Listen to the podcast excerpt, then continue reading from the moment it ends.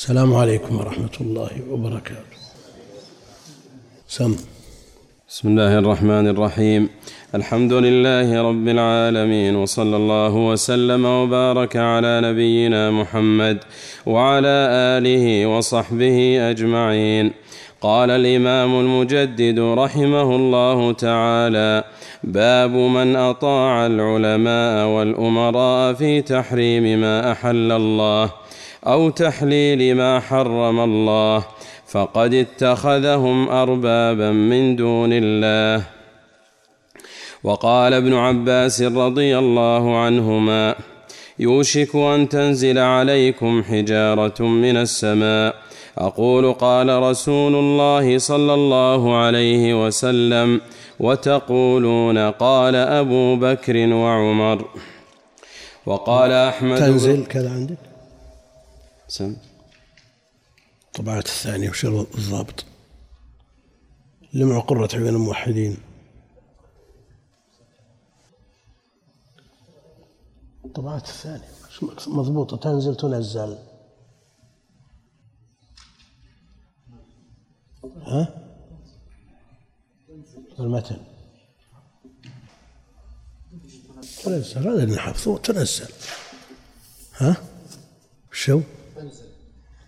معك مثلنا أنت ما تستدرك علينا. نبي طبعات ثانية. شو؟ هاتوا الذي حفظناه من بداية الطلب إلى يومنا هذا. عن شيوخنا وشيوخهم. يوشك أن تنزل عليكم حجارة من السماء. ونسخ ثانية ما في غير هذه؟ ها؟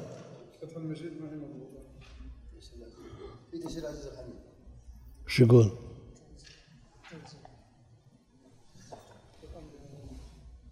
بضم اوله تنزل. إذا كانت بضم أوله أوله. إذا كانت بضم أوله فتنزل يوشك. هذه مفروغ منها.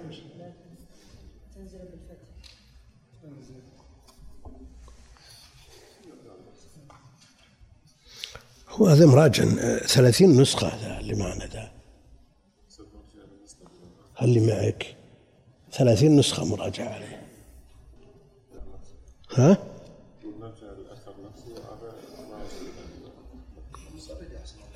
هم؟ إيه، شوفوا المسند. هذا عندكم. بنحو هذا اللفظ. على كل حال تنزل ما هي بنازلة من نفسها. لا بد أن تنزل. لن تنزل بنفسها. نعم. فالكلام على الأصل. المصدر الأصلي الذي أخذ منه هذا الكلام و يكون هذا اللي عند العمود. ترى ما أشوفه وش اللي عندك ضبطه؟ الضبط اللي عندك ها؟ كمل كمل.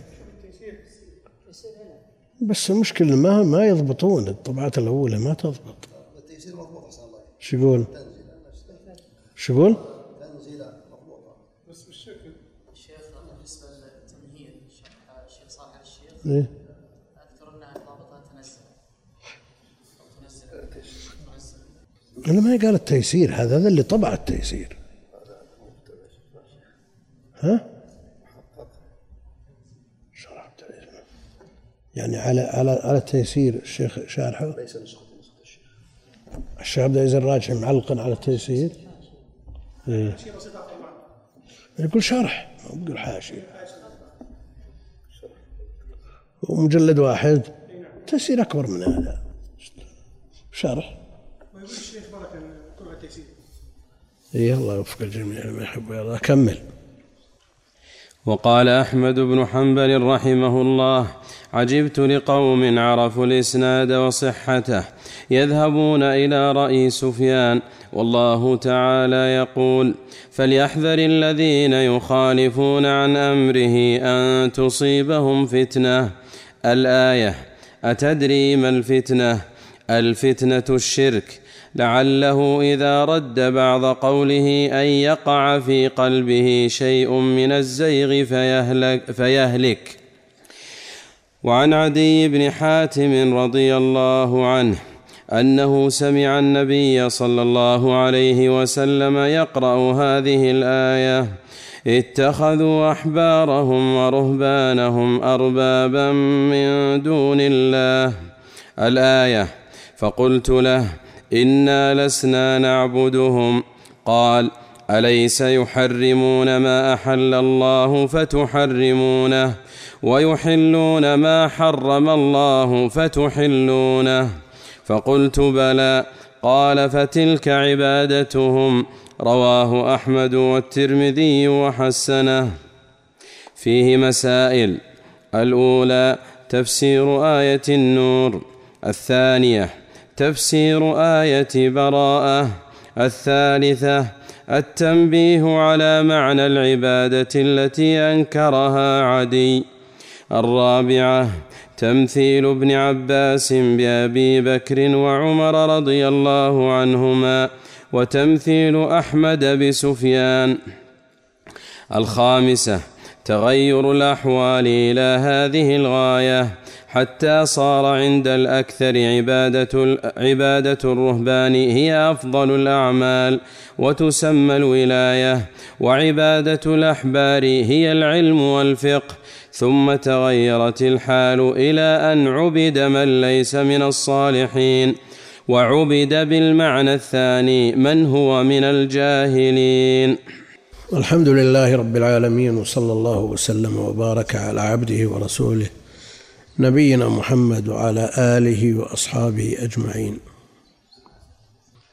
يقول المؤلف رحمه الله تعالى باب من أطاع العلماء والأمراء في تحريم ما أحل الله أو تحليل ما حرم الله فقد اتخذهم أربابا من دون الله.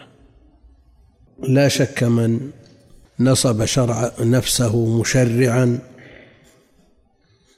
يحلل ويحرم فقد جعل نفسه شريكا لله جل وعلا. أم لهم شركاء؟ شرعوا لهم من الدين ما لم يأذن به الله. فالذي يحلل الحرام ويحرم الحلال لا شك أنه نصب نفسه شريكا لله جل وعلا. ومن أطاعه في هذا من غير إكراه لأنه قد يكون هناك إكراه والمكره معذور فقد اتخذه ربا من دون الله كما سيأتي. والإشكال أنه قد يوجد من التشريعات البشرية ما يخالف شرع الله فيتضمن تحليل الحرام أو تحريم الحلال فينكره الناس في أول الأمر. ينكرونه لأنهم عملوا بشرع الله جل وعلا ثم غير ينكره الناس بلا شك. لكن مع الوقت وتتابع الأجيال عليه يألفونه ولا ينكرونه. وهذا من عظائم الأمور. ابن القيم يقول والله ما أخوف الذنوب وإنها لعلى سبيل العفو والغفران لكن ما أخشى انسلاخ القلب من تحكيم هذا الوحي والقرآن. هذه من أعظم الأمور. وينزل تباعا في سائر الأقطار. أما بلاد الكفر فلا شيء أعظم من الكفر. الإشكال في بلاد المسلمين. ينزل أنظمة وينزل قوانين مخالفة لشرع الله وتفرض على الناس في أول الأمر ثم في آخر الأمر يألفها الناس ويمشون عليها ولا يستنكرها أحد. فهذا الباب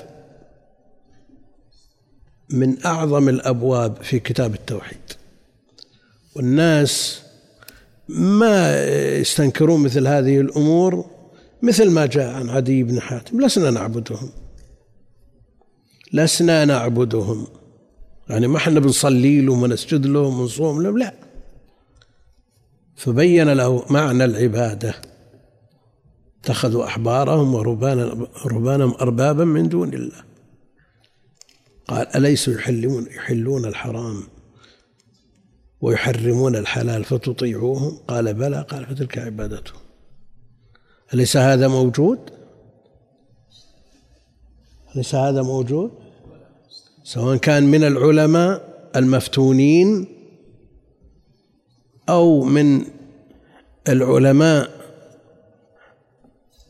أصحاب الهوى والناس يقلدونهم من غير نظر في أدلتهم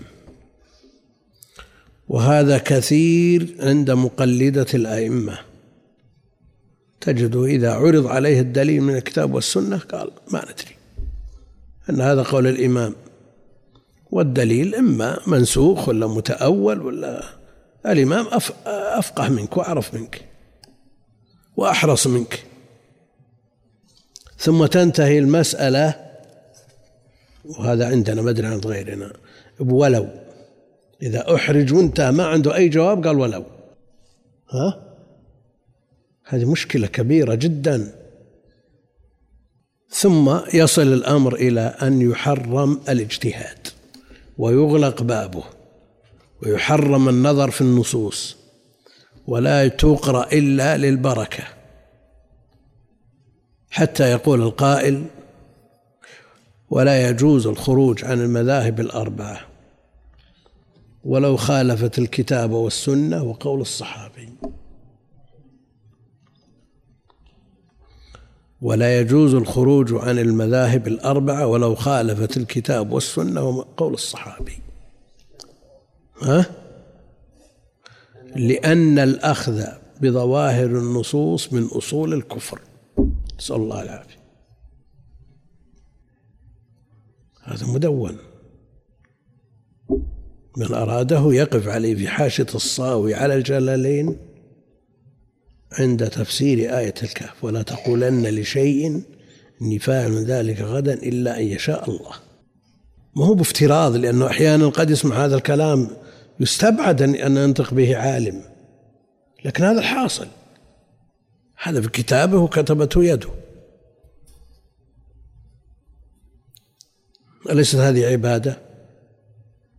إذا قيل إمامك يقول هذا حرام وقد يكون الإمام مجتهد ما بلغه الدليل أو بلغه بطريق لم يصح لكنه صح عند غيره ووجد الدليل الصحيح الصريح.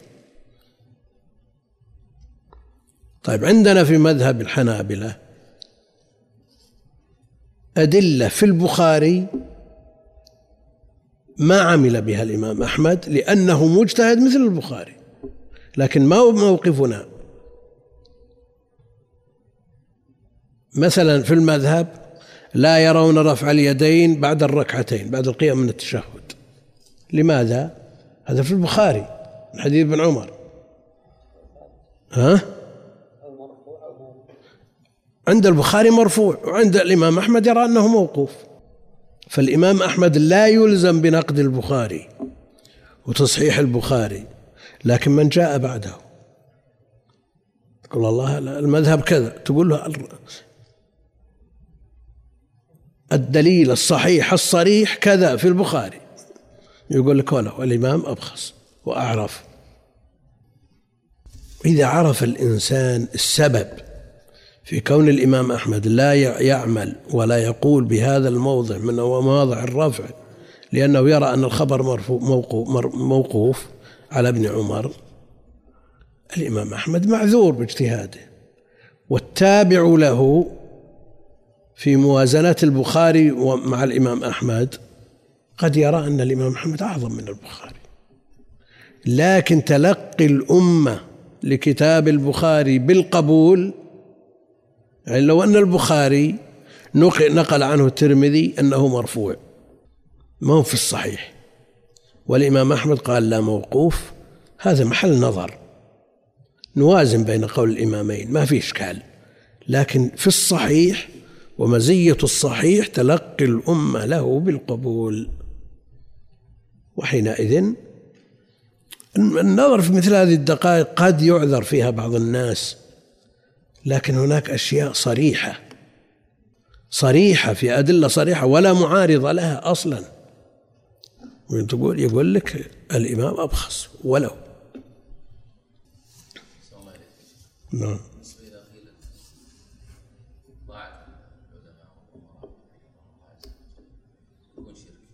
نعم.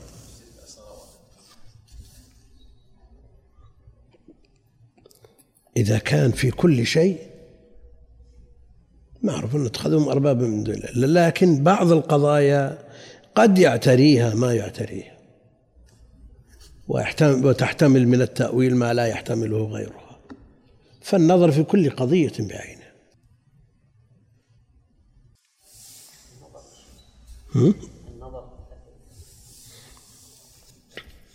النظر في الأدلة لمن لديه أهلية النظر. لمن لديه أهلية النظر متعين. ولا يعذر. أما من ليست لديه أهلية النظر ففرضه سؤال أهل العلم وتقليدهم. لا لا لا من له أهلية النظر. النظر ليس لأهل النظر هو لكل أحد. تبي تكلف لك عامي لا يقرأ ولا يكتب أن ينظر في حديث في إسناده ابن لهيعة ثم ينظر في ثلاثة عشر قول من أقوال أهل العلم فيما قالوه في ابن لهيعة هذا أنصاف المتعلمين ما يدركون. هل المسائل مراتب ودرجات والمتعلمون كذلك طبقات كل عليهم من من من الحمل ما يناسب مستواه. فقد اتخذهم أربابا من دون الله. من أطاع؟ من موصولة ولا شرطية؟ ها؟ شرطية بدليل؟ فقد الفاء داخلة بجواب الشرط. ومن قال باب الذي أطاع العلماء يعني تكون موصولة ودخل دخلت الفاء في خبرها لأن الشرط فيه شوب أو الموصول فيه شوب من الشرطية ويشاركه في عمومه. على كل حال سواء كانت موصولة أو شرطية المعنى واضح. وقال ابن عباس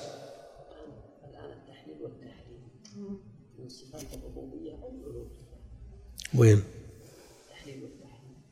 اتخذهم أربابا لا أقصد في الأصل الآن التحليل والتحريم متعلقة بالربوبية أو بالألوهية فقد اتخذهم اتخذوا أربابا اتخذوا أحبارهم ورهبانهم أربابا. هذا النص. من الربوبية من الربوبية. وقال ابن عباس رضي الله عنه ما يوشك أن تنزل عليكم أو تنزل عليكم ولا فرق معنى واحد المنزل هو الله جل وعلا ولا يمكن أن تنزل وينسب الشيء لفاعله الحقيقي وينسب إلى غيره من باب التجوز كما يقال مات فلان. مات فلان. هو اللي مات ولا الله اللي توفى؟ الله يتوفى الأنفس. يوشك أن تنزل عليكم حجارة من السماء. أقول قال رسول الله صلى الله عليه وسلم وتقولون قال أبو بكر وعمر في متعة الحج. ابن عباس يرى وجوب التمتع. وأمر النبي صلى الله عليه وسلم أصحابه أن يحلوا ويجعلوها عمرة. وقال بعد أن ندم على سوق الهدي لو لو استقبلت من أمري ما استدبرت ما سقت الهدي ولا جعلتها عمرة. من هذا يرى ابن عباس أن التمتع واجب. ثم يعارضه من يعارضه يقول هذا أبو بكر عمر ما يرونه واجب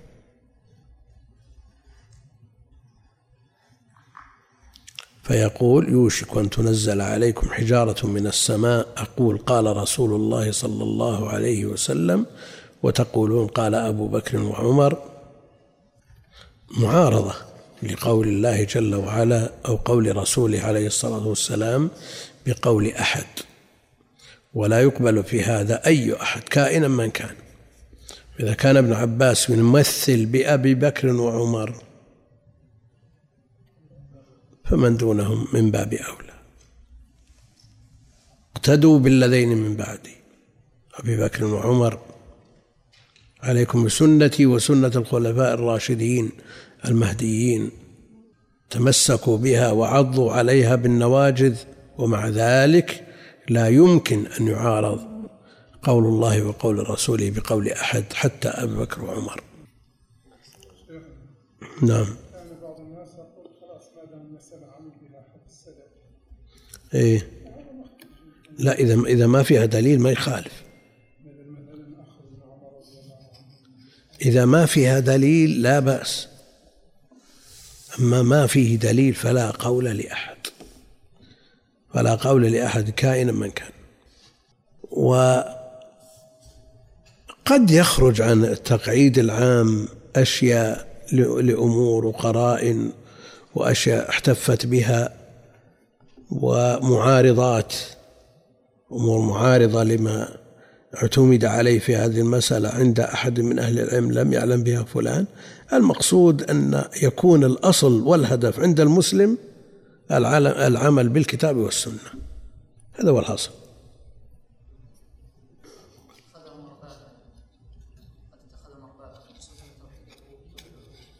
أربابا واضح اللفظ. واضح. المقصود أن النص على أنهم أرباب وسيأتي في كلام عدي بن حاتم ما يوضح ذلك. الآن ابن ابن عباس استنكر وأنكر على من عارض قوله المبني على الدليل من كلام رسول الله صلى الله عليه وسلم عارضه بقول أبي بكر وعمر. الآن يعارضون ما جاء عن الله وعن رسوله عليه الصلاة والسلام بقوانين وضعية. تقول كذا والنظام يقول كذا. صار الناس ما عندهم ولا حس شرعي. أنا لا أقول الناس كلهم يعني بعضهم موجود هذا. ما دام النظام على هذا ما. الشيخ الطنطاوي رحمه الله لما ألغيت المكاييل والموازين ألغيت واستبدلت. الموازين استمرت لكن بطريقة غير اللي كانت عليه. وكان قاضيا في الشام. جيء له شخص بشخص متهم بحيازة صاع. وعليها عقوبة سجن وغرامة. وش بيسوي القاضي؟ عنده نظام يجرم هذا الذي حاز الصاع. وعنده النصوص. ومثل هذا القضاء الحكم في قبوله. وهو مشتمل على مثل هذه الأمور. قبوله والدخول فيه. ها؟ العلماء الهند لما طبق عليهم القانون البريطاني وطلب منهم قضاة يحكمون بين الناس. أرسلوا سؤالا للشيخ محمد رشيد رضا. يقول هذا الواقع فهل يترك القضاء لغير المسلمين لغير علماء المسلمين؟ ينفعون أصحابهم وأرباب دياناتهم والمسلمون يتضررون؟ ويحكم عليهم رغم أنوفهم بهذه القوانين؟ قال إذا كان في تخفيف من الضرر على المسلمين وتقليل الشر بقدر الإمكان فلا مانع من الدخول فيه. وما زال الأمر إلى الآن العلماء يختلفون. من العلماء من أهل احتياط وتحري يقول ما عليك من الناس أهم ما عليك نفسك. لا تقحم نفسك في شيء في خطر. وبعضهم ينظر إلى المزاحمة و يسمونه مزاحمة وتخفيف للشر وكذا وكذا يقول هذا موجود حتى الآن في شيوخنا الموجودين الآن. ها؟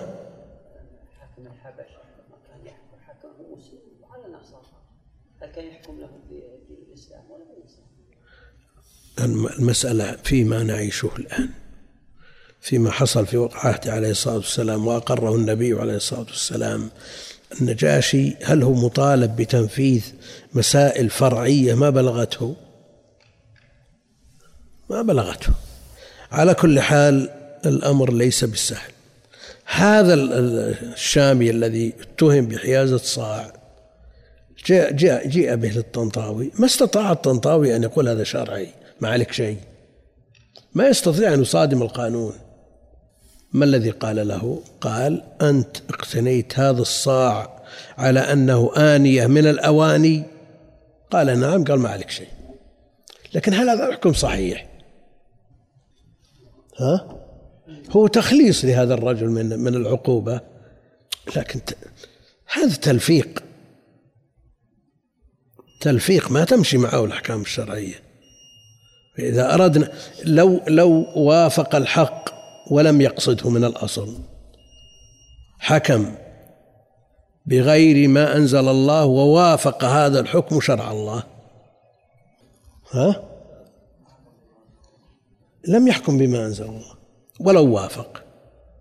فالمسألة إذا وصل الضعف إلى هذا الحد في الأمة ما تجد في بلد من البلدان هذه البلاد مستثنات وفيها من الخير ما فيها والحكم ما أنزل الله في المحاكم الشرعية معروف لكن الله يستر.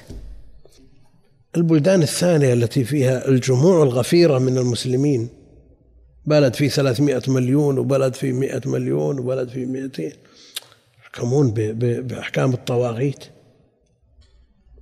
ولا أحد يستطيع أن ينكر ولا أحد يستطيع أن يغير الغربة مستحكمة. هذه الغربة. هذه هي الغربة. والتشريع في الإسلام شأنه عظيم. ليس من المسائل الفرعية من الأصول. والقول بكفر من حكم بغير ما أنزل الله بحثه معروف عند أهل العلم ومراتبه معروفة. وحكم على. وحكم في القرآن. على من يحكم بغير ما أنزل الله بثلاثة أحكام بالكفر بالظلم بالفسق. وقد تجتمع معانيها. فقد يطلق الظلم على الكفر يطلق الفسق على الكفر وهكذا.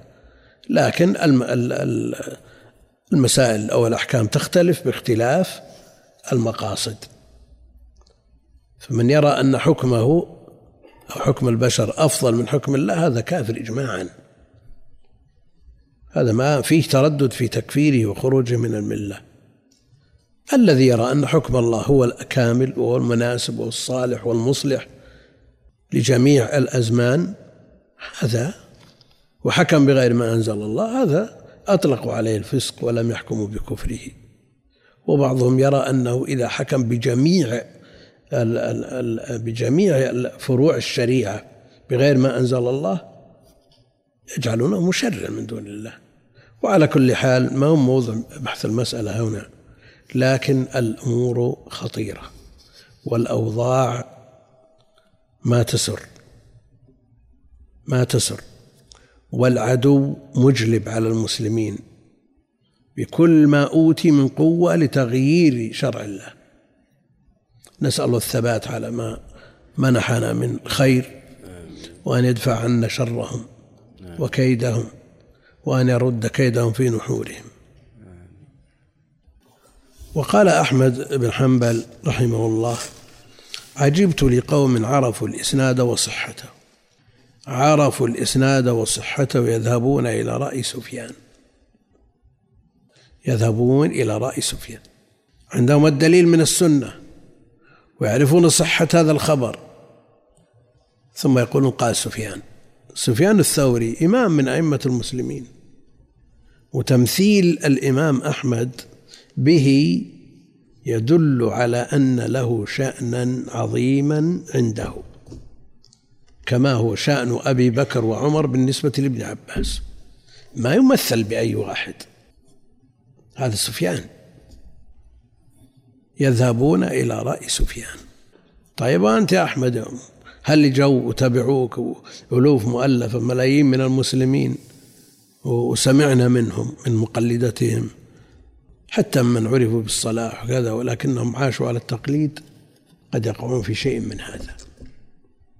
وهو أحمد إمام أهل السنة والجماعة أو مالك نجم السنن أو الشافعي أو غيرهم من الأئمة. تجد التابع المقلد يقول مثل هذا الكلام. تعرف من من أحمد؟ ها؟ تبي تقول إيه؟ إذا قال كان تعرف من أحمد إيش تبي تقول؟ ما علي أحمد ما أحمد عندي الدليل. أنت أحمد أعظم من هذه الآية أو الحديث؟ يذهبون إلى رأي سفيان وكان سفيان الثوري إماما متبوعا. كالأئمة الأربعة واستمر مذهبه إلى القرن الثالث. إلى القرن الثالث. وله أتباع لكنهم انقرضوا. انقرضوا. والله تعالى يقول فليحذر الذين يخالفون عن أمره أن تصيبهم فتنة. فليحذر الذين يخالفون عن أمره فيتبعون أمر غيره كما تبعوا سفيان وتركوا الدليل تبعوا أحمد وتركوا الدليل. هؤلاء يخشى عليهم من الفتنة. قال الإمام أحمد أتدري ما الفتنة؟ الفتنة الشرك. والفتنة أشد من القتل. لأنها خسران الدنيا والآخرة. والقتل خسران للدنيا. أتدري ما الفتنة؟ الفتنة الشرك. لعله إذا رد بعض قوله قول النبي صلى الله عليه وسلم أن يقع في شيء في قلبه شيء من الزيغ فيهلك. أن يقع في قلبه شيء من الزيغ فيهلك. إذا رد النص من الكتاب أو السنة يعاقب فيقع في قلبه زيغ شرك كفر ثم يترتب عليه الهلاك القتل في الدنيا والهلاك الخلود بالنار فالأمر ليس بالسهل. قال رحمه الله عن عدي بن حاتم نعم لما يصرفون الأئمة نص من الوجوب إلى الاستحباب أو من التحريم إلى الكراهة دون أن نطلع على الصح إيه. هل ندخل في هذه المسألة؟ ولا نقول إن نتهم أنفسنا ونقول لا هو الإنسان إذا كان من أهل الاطلاع الواسع كل يعرف قدر نفسه. ما يحكم ويرد بأدنى شيء لكن إذا تأكد. وأكثر ما يكون هذا الاختلاف مع الظاهرية. مع الظاهرية.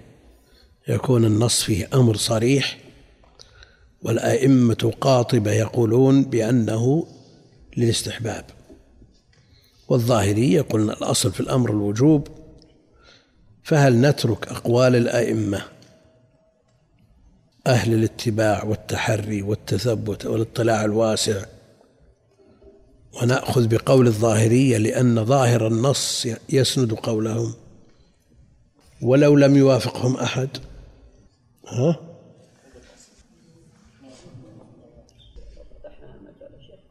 حتى في. سفيان قال كان يقول سفيان فيه قد يكون اطلع على أمر يخالف الحديث لا لا هي المسألة في نص كل اطلع عليه. ها؟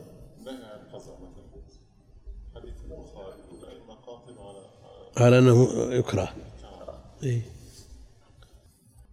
الآن الاجتهاد في مسائل القضاء لو فتح المجال لجميع القضاة بما فيهم الشباب الذين في العشرينات ولم يتمكنوا من العلم وقيل لهم اجتهدوا وانظروا في النصوص وانظروا في أقوال أهل العلم بأدلتها في كل مسألة قد لا يستطيع بعضهم الوصول إلى الراجح.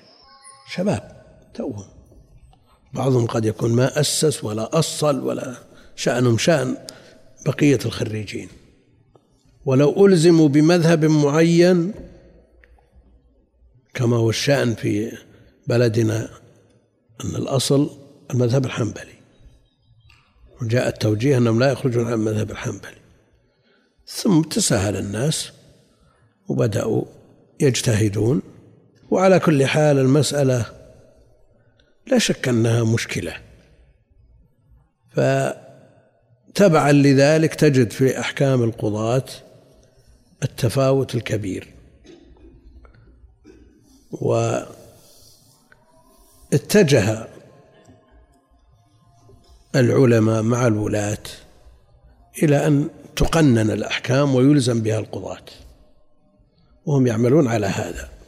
وسبقوا إلى ذلك في مجلة الأحكام العدلية في تركيا طبقت على من تحت ولاية من بلاد المسلمين لكن ويبقى. انها معضلة ولو قننت. تمر على بعض القضاة الذي لا يعترف بهذا الحكم. فيلزم به فالإلزام بالمذهب أولى. ها؟ الحوادث الأشخاص يتفاوتون. القرائن التي تحتف بكل قضية لها حكمها.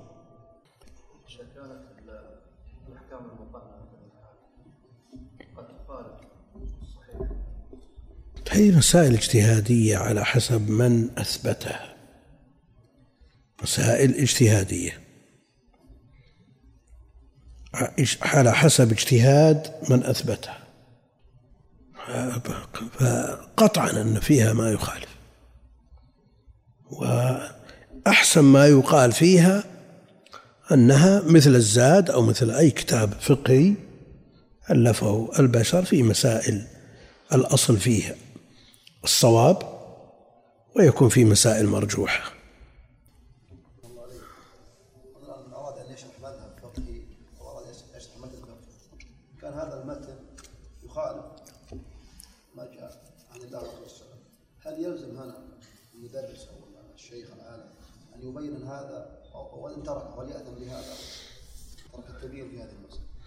إذا كان المدرس من أهل الاجتهاد والنظر فيقرر فيه ما يدين الله به. شوف المقررات في المعاهد العلمية كان الترجيح عند المدرسين ها على ما يوافق الكتاب وهو المذهب ثم ظهر القول بالاجتهاد واتباع النص فمال بعضهم إلى ما يراه فلان أو ما يراه فلان وكثر اتباع الشيخ بن باز ثقة به واهتمامه بالنصوص وكذا. توفي الشيخ رحمه الله ثم جاء بعده من اقتنع الناس به ومالوا معه. فهذه ما تنضبط. التعليم يجب أن يكون خط واحد مستقيم يمرن عليه الناس ويعلم عليه الناس في التصور الأول. ثم الثاني نظر في أدلة هذه المسائل. ثم النظر في من خالف ودليله والموازنة بين الأدلة. ولن يستطيع أحد أن أن أن أن يدعي لنفسه أن كل ما يقوله هو الراجح. يعني عدي بن حاتم رضي الله عنه أنه سمع النبي صلى الله عليه وسلم يقرأ هذه الآية اتخذوا أحبارهم ورهبانهم أربابا من دون الله الآية. فقلت له إنا لنسنا نعبدهم يعني ما نسجد لهم ونصلي ونصوم لا. قال أليس يحرمون ما أحل الله؟ فتحرمونه ويحلون ما حرم الله. فتحلونه. فقلت بلى. قال فتلك عبادتهم. رواه أحمد والترمذي وحسنه. يقول الإمام رحمه الله تعالى في مسائل تفسير آية النور فليحذر الذين يخالفون عن أمره أن تصيبهم فتنة. التي يستدل بها أهل العلم على أن الأصل في الأمر الوجوب. الأصل في الأمر الوجوب. ولذلك توعد من خالف عن الأمر ولا وعيد إلا على ترك واجب. ولا وعيد إلا على ترك واجب. تفسير آية براءة. اتخذوا أحبارهم ورهبانهم أربابا من دون الله. تفسيرها بما جاء عن النبي عليه الصلاة والسلام.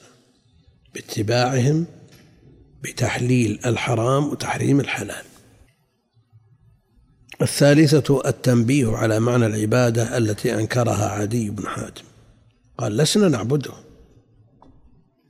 لسنا نعبدهم. فكان الرد عليه من قبله عليه الصلاة والسلام أليس يحرمون ما أحل الله؟ فتحرمونه ويحلون ما أحل الله فتحلونه هذه العبادة.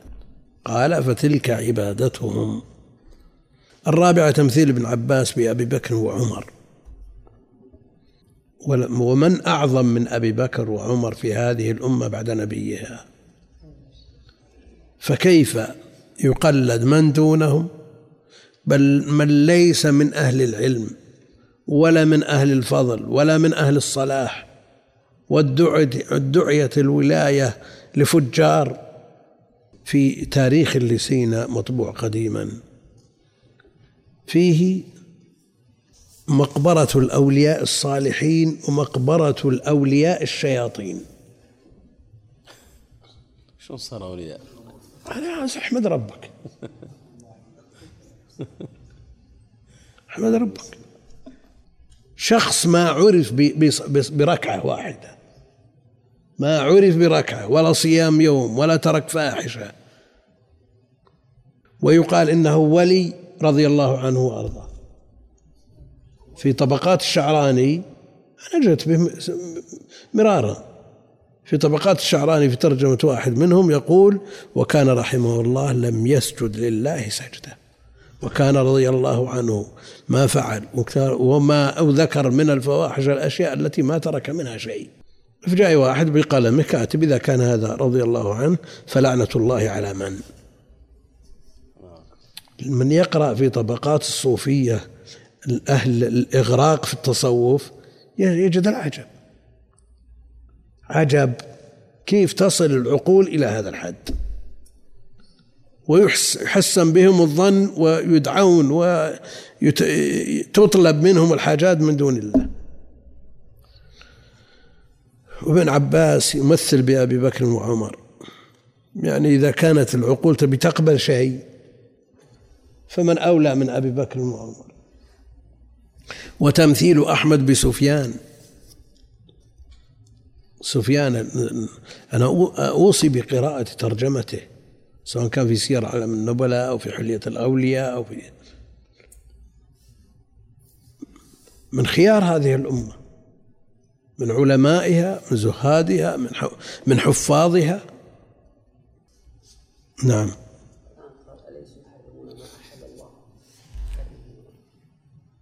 إيه. هل هذا ضابط أو أنه لو احلوا ما أحل الله واتبعوا الحل لاجله دخلوا في عاد يبقى يبقى الأمر قلبي. يبقى الأمر قلبي. لكن في الحكم الظاهر هذا. شوف الخامسة. تغير الأحوال إلى هذه الغاية. حتى صار عند الأكثر عبادة الرهبان هي أفضل الأعمال. بمعنى طاعتهم في التحليل والتحريم. وتسمى الولاية وعبادة الأحبار هي العلم والفقه لأن الرهبان العباد والأحبار العلماء هي العلم والفقه ثم تغيرت الحال بعد ذلك. إلى أن عبد من ليس من الصالحين. إلى أن عبد من ليس من الصالحين من قبرة الأولياء الشياطين.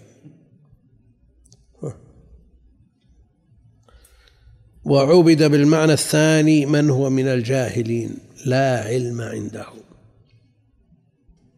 في قطر من الأقطار في وقت من الأوقات سئل مدعي للعلم عن المدبر عن المدبر فقال هو الذي يوطأ في دبره.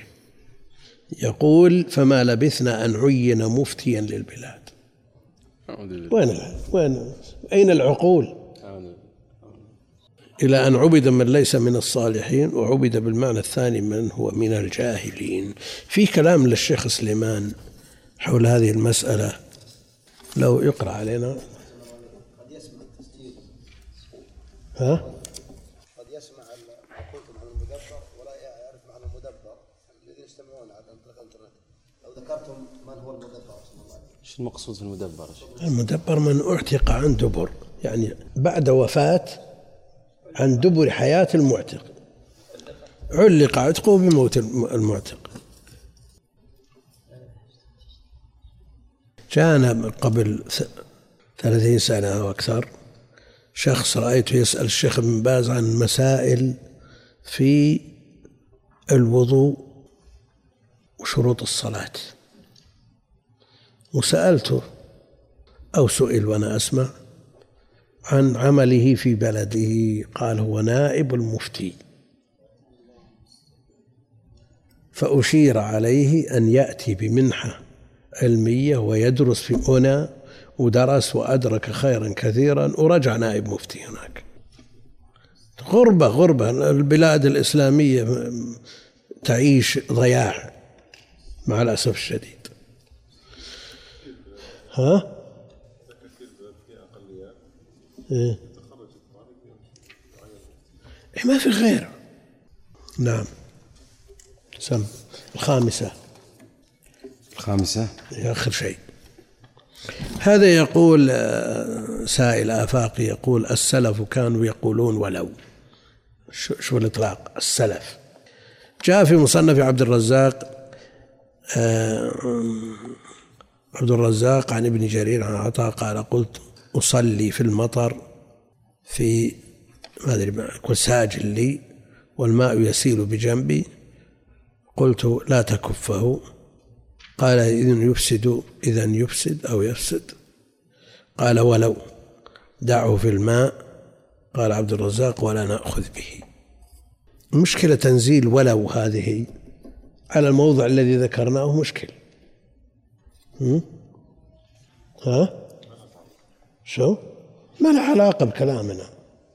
ما له كلام ما له علاقة بكلامنا. يعني صل ولو ولو كان الماء يسيل. يعني ولو كان الماء يسيل. نعم.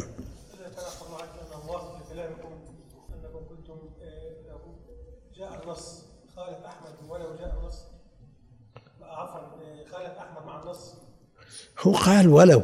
يعني خلاص انتهى إلى سد ما يقدر يجاوب عليك. تناقشه يجيبك مرة مرتين في الن- في النهاية يقول ولو إذا انتهى ما عنده. سم. قال المصنف رحمه الله وفيه تغير الأحوال إلى هذه الغاية. صار عند الأكثر عبادة الرهبان هي أفضل الأعمال ويسمونها الولاية. وعبادة الأحبار هي العلم والفقه.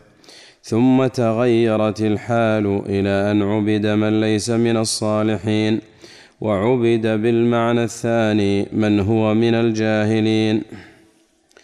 قوله صار عند الأكثر عبادة الرهبان هي أفضل الأعمال. يشير إلى ما يعتقده كثير من الناس في من ينتسب إلى الولاية من الضر والنفع والعطاء والمنع. ويسمون ذلك الولاية والس- والسر ونحو ذلك وهو الشرك قوله وعبادة الأحبار هي العلم. هي العلم والفقه أي هي التي تسمى اليوم العلم والفقه المؤلف على مذاهب الأئمة ونحوهم فيطيعونهم في كل ما يطيعونك سواء وافق حكم الله أم خالفه بل لا يعبؤون بما خالف ذلك من كتاب وسنة بل يردون كلام الله وكلام رسوله لأقوال من قلدوه ويصرحون بأنه لا يحل العمل بكتاب ولا سنة وأنه لا يجوز تلقي العلم والهدى منهما. وإنما العلم والفقه والهدى عندهم هو ما وجدوه في هذه الكتب بل أعظم من ذلك واطم رمي كثير من كلام الله وكلام رسوله بأنه لا يفيد العلم ولا اليقين في باب معرفة أسماء الله وصفاته وتوحيده ويسمونها ظواهر لفظية. ويسمون ما وضعه الفلاسفة المشركون القواطع العقلية ثم يقدمونها في باب الأسماء والصفات والتوحيد على ما جاء من عند الله ثم يرمون من خرج عن عبادة الأحبار والرهبان إلى طاعة رب العالمين وطاعة رسوله صلى الله عليه وسلم وتحكيم ما أنزل الله في موارد النزاع بالبدعة أو الكفر. قوله ثم تغيرت الأحوال إلى أن عبد من ليس من الصالحين. وذلك كاعتقادهم في كثير ممن ينتسب إلى الولاية من الفساق والمجاذيب. وقوله وعبادة وعبا وعبد بالمعنى الثاني من هو من الجاهلين. عبد. وعبد بالمعنى الثاني من هو من الجاهلين؟ يعني في مقابل في أول الأمر الأحبار اللي هم العلماء. نعم. وذلك كاعتقادهم العلم في أناس من جهله المقلدين فيحسنون لهم البدع والشرك فيطيعونهم ويظنون أنهم علماء علماء مصلحون. ألا إنهم هم المفسدون ولكن لا يشعرون. انتهى صلى اللهم صل وسلم على عبدك